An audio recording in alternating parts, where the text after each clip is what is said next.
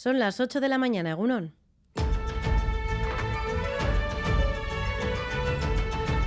Crónica de Euskadi con Irache Martínez.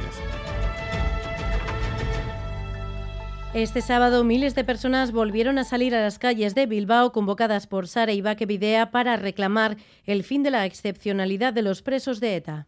Jokatu behar dira, salbuespen neurri guztia, eta hori da importantena. Todavía hay que, hay que trabajar mucho y hay que salir a la calle. Ba, esperantzaz, ez? Azkenean danok hemen egotea nahi dugu, eta lehenbailen eh, nahi ditugu etxea. Aldarrikapen egun bat, beharrezkoa dena, ea lortzen dugu. Jarraituko dugu bidean, bai.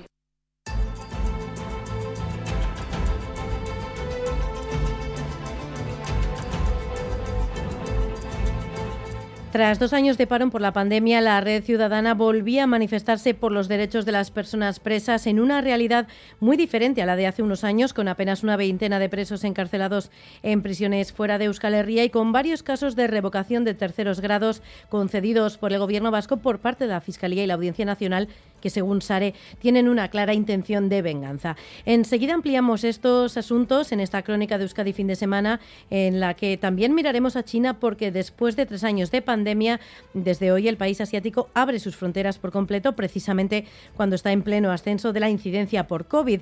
Aunque ahora lo que más preocupa es la subvariante Kraken, que procede de Estados Unidos y que se contagia con más rapidez y es más infecciosa. Escuchamos a Juan José Badiola, epidemiólogo, aquí en Crónica de Euskadi fin de semana es una subvariante que ha surgido en Nueva York hace muy poco tiempo, en, en diciembre. Es una recopilante de dos, de dos lagas anteriores, muy infectiva eh, y por lo tanto se propague mucho más rápidamente. Y lo más preocupante es que parece ser que tiene una mayor capacidad de escape de la inmunidad y a partir de las ocho y media de la mañana hablaremos del reto demográfico de la comunidad autónoma vasca.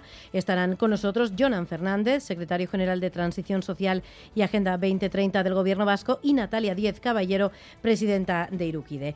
Y vamos ya con un adelanto de la actualidad deportiva. John Zubieta, Egunon. Hola, Egunon. La Real Sociedad se mide a partir de las dos de la tarde a la Almería en tierras andaluzas. El equipo Donostiarra quiere afianzarse en la tercera plaza y Manol contará con las bajas de Momocho por lesión y de Brais Méndez por sanción.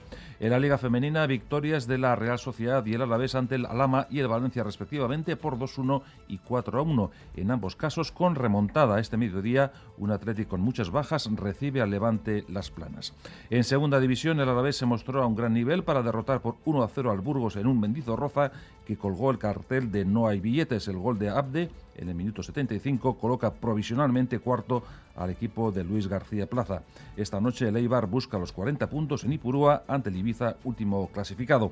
En pelota, Pello Echeverría y Rezusta se impusieron por 22-20 a Jaca Aranguren y esta tarde el Atano acoge el duelo entre Lasso Imaz contra Altuna Tolosa. En baloncesto, el Vasconia recibe en el Buesa Arena al Valencia de Mumbrú y el Bilbao Basket al UCAM Murcia. Y por último, John Ram, vamos de golf, es quinto en el torneo de Hawái a siete golpes del líder Morikawa. A esta hora tenemos 12 grados en Donostia, 11 en Bilbao y en Bayona, 9 grados en Vitoria-Gasteiz y 7 en Iruña. Además, seguimos en aviso amarillo por fuertes vientos y oleaje. Tengan en cuenta que está cerrado el paseo nuevo de Donostia hasta el martes y también los accesos al espigón de la Zurriola y el peine del viento. Repasamos ya el pronóstico del tiempo para las próximas horas. Euskalmet, Jaione Munarri, Cegunon. Caixo Egunon, eh, hoy domingo el viento seguirá siendo protagonista y la lluvia llegará durante la mañana.